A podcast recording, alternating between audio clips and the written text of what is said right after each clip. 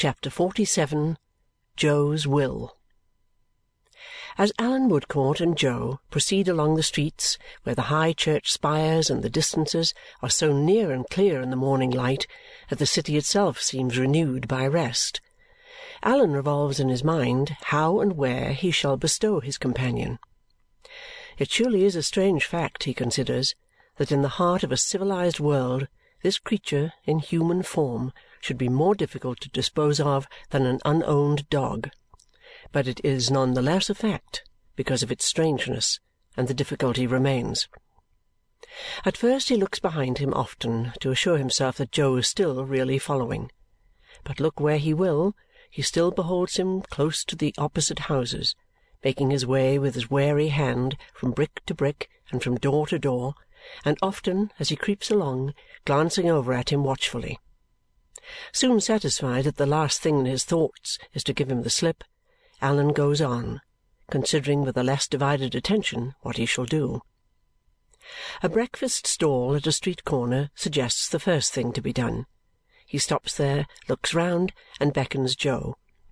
Jo crosses and comes halting and shuffling up, slowly scooping the knuckles of his right hand round and round in the hollowed palm of his left, kneading dirt with a natural pestle and mortar. What is a dainty repast to Jo is then set before him, and he begins to gulp the coffee and to gnaw the bread and butter, looking anxiously about him in all directions as he eats and drinks, like a scared animal. But he is so sick and miserable that even hunger has abandoned him. "I thought I was a'most a starving, sir," says Jo, soon putting down his food. "But I don't know nothink, not even that. I don't care for eating wittles, nor yet for drinking on 'em." And Jo stands shivering and looking at the breakfast wonderingly. Allan Woodcourt lays his hand upon his pulse and on his chest. "Draw breath, Jo." "It draws," says Jo, as heavy as a cart he might add, and rattles like it, but he only mutters, "I'm a moving on, sir." Allan looks about for an apothecary's shop. There is none at hand, but a tavern does as well or better. He obtains a little measure of wine and gives the lad a portion of it very carefully. He begins to revive almost as soon as it passes his lips. "We may repeat that dose, Jo," observes Allan after watching him with his attentive face. "So. Now we will take five minutes' rest and then go on again." Leaving the boy sitting on the bench of the breakfast stall, with his back against an iron railing. Allan Woodcourt paces up and down in the early sunshine, casting an occasional look towards him without appearing to watch him. It requires no discernment to perceive that he is warmed and refreshed. If a face so shaded can brighten, his face brightens somewhat, and by little and little he eats the slice of bread he had so hopelessly laid down. Observant of these signs of improvement, Allan engages him in conversation and elicits to his no small wonder the adventure of the lady in the veil with all its consequences. Jo slowly munches as he slowly tells it. When he has finished his story and his bread, they go on again. Intending to refer his difficulty in finding a temporary place of refuge for the boy to his old patient, zealous little Miss Flite, Allan leads the way to the court where he and Jo first foregathered.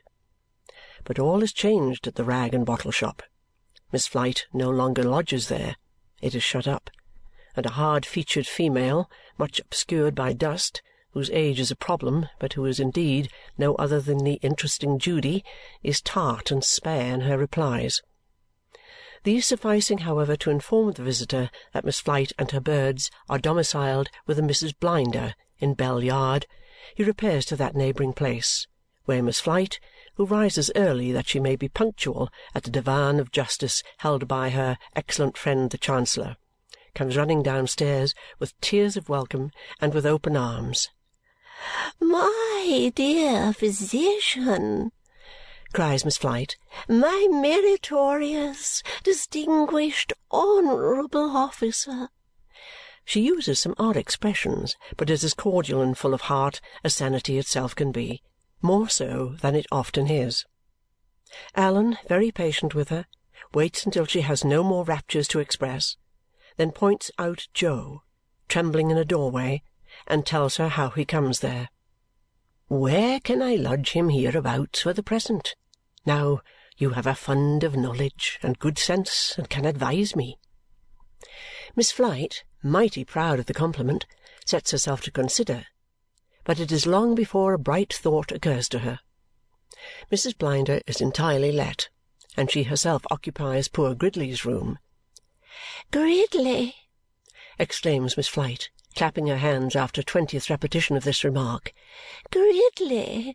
Oh, to be sure, of course, my dear physician, General George will help us out. It is hopeless to ask for any information about General George, and would be, though Miss Flite had not already run upstairs to put on her pinched bonnet and her poor little shawl and to arm herself with a reticule of documents. But as she informs her physician in her disjointed manner on coming down in full array that General George, whom she often calls upon, knows her dear Fitz Jarndyce and takes a great interest in all connected with her, Allan is induced to think that they may be in the right way. So he tells Jo, for his encouragement, that this walking about will soon be over now, and they repair to the general's. Fortunately, it is not far. From the exterior of George's shooting gallery and the long entry and the bare perspective beyond it, Allan Woodcourt augurs well. He also descries promise in the figure of Mr. George himself, striding towards them in his morning exercise with his pipe in his mouth, no stock on, and his muscular arms, developed by broadsword and dumb-bell, weightily asserting themselves through his light shirt-sleeves. "Your servant, sir," says Mr. George with a military salute. Good-humouredly smiling all over his broad forehead up into his crisp hair, he then defers to Miss Flite as, with great stateliness and at some length, she performs the courtly ceremony of presentation. He winds it up with another "Your servant, sir," and another salute. "Excuse me, sir. A sailor, I believe?" says Mr. George. "I am proud to find I have the air of one," returns Allan, "but I am only a sea-going doctor." "Indeed, sir, I should have thought you was a regular blue jacket myself." Allan hopes Mr. George will forgive his intrusion the more readily on that account and particularly that he will not lay aside his pipe, which, in his politeness, he has testified some intention of doing. "You're very good, sir," returns the trooper. "As I know by experience that it's not disagreeable to Miss Flite, and since it's equally agreeable to yourself," and finishes the sentence by putting it between his lips again. Allan proceeds to tell him all he knows about Jo, unto which the trooper listens with a grave face. "And that's the lad, sir, is it?" he inquires, looking along the entry to where Jo stands, staring up at the great letters on the whitewashed front, which have no meaning in his eyes. "That's he," says Allan. "And Mr. George, I am in this difficulty about him.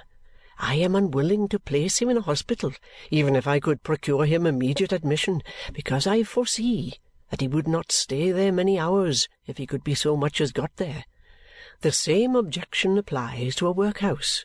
Supposing I had the patience to be evaded and shirked, and handed about from post to pillar in trying to get him into one, which is a system that I don't take kindly to." "No man does, sir," returns Mr. George.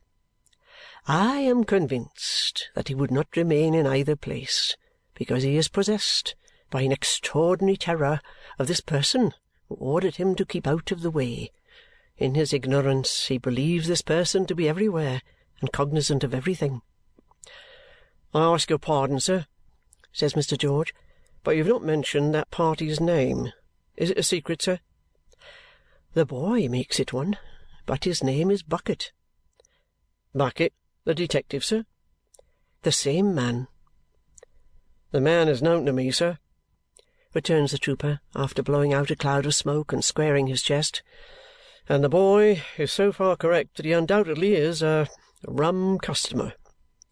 Mr. George smokes with a profound meaning after this and surveys Miss Flite in silence. "Now I wish Mr. Jarndyce and Miss Summerson at least to know that this Jo, who tells so strange a story, has reappeared, and to have it in their power to speak with him if they should desire to do so. Therefore I want to get him, for the present moment, into any poor lodging kept by decent people, where he would be admitted. Decent people and Jo, Mr. George," says Allan, following the direction of the trooper's eyes along the entry, "have not been much acquainted, as you see. Hence the difficulty. Do you happen to know any one in this neighbourhood who would receive him for a while on my paying for him beforehand?" As he puts the question, he becomes aware of a dirty-faced little man standing at the trooper's elbow and looking up, with an oddly twisted figure and countenance, into the trooper's face. After a few more puffs at his pipe, the trooper looks down askant at the little man, and the little man winks up at the trooper. "Well, sir," says Mr. George, "I can assure you that I would willingly be knocked on the head at any time if it would be at all agreeable to Miss Summerson and consequently I esteem it a privilege to do that young lady any service, however small. We are naturally in the vagabond way here, sir, both myself and Phil. You see what the place is. You're welcome to a quiet corner of it for the boy if the same would meet your views. No charge made, except for rations. We are not in a flourishing state of circumstances here, sir. We are liable to be tumbled out, neck and crop, at a moment's notice. However, sir, such as the place is, and so long as it lasts, here it is at your service." With a comprehensive wave of his pipe, Mr. George places the whole building at his visitor's disposal. "I take it for granted, sir," he adds, "you being one of the medical staff, that there is no present infection about this unfortunate subject." Allan is quite sure of it. "Because, sir," says Mr. George, shaking his head sorrowfully, "we have had enough of that." His tone is no less sorrowfully echoed by his new acquaintance. "Still, I am bound to tell you," observes Allan after repeating his former assurance, "that the boy is deplorably low and reduced and that he may be I do not say that he is too far gone to recover." "Do you consider him in present danger, sir?" inquires the trooper. "Yes. I fear so."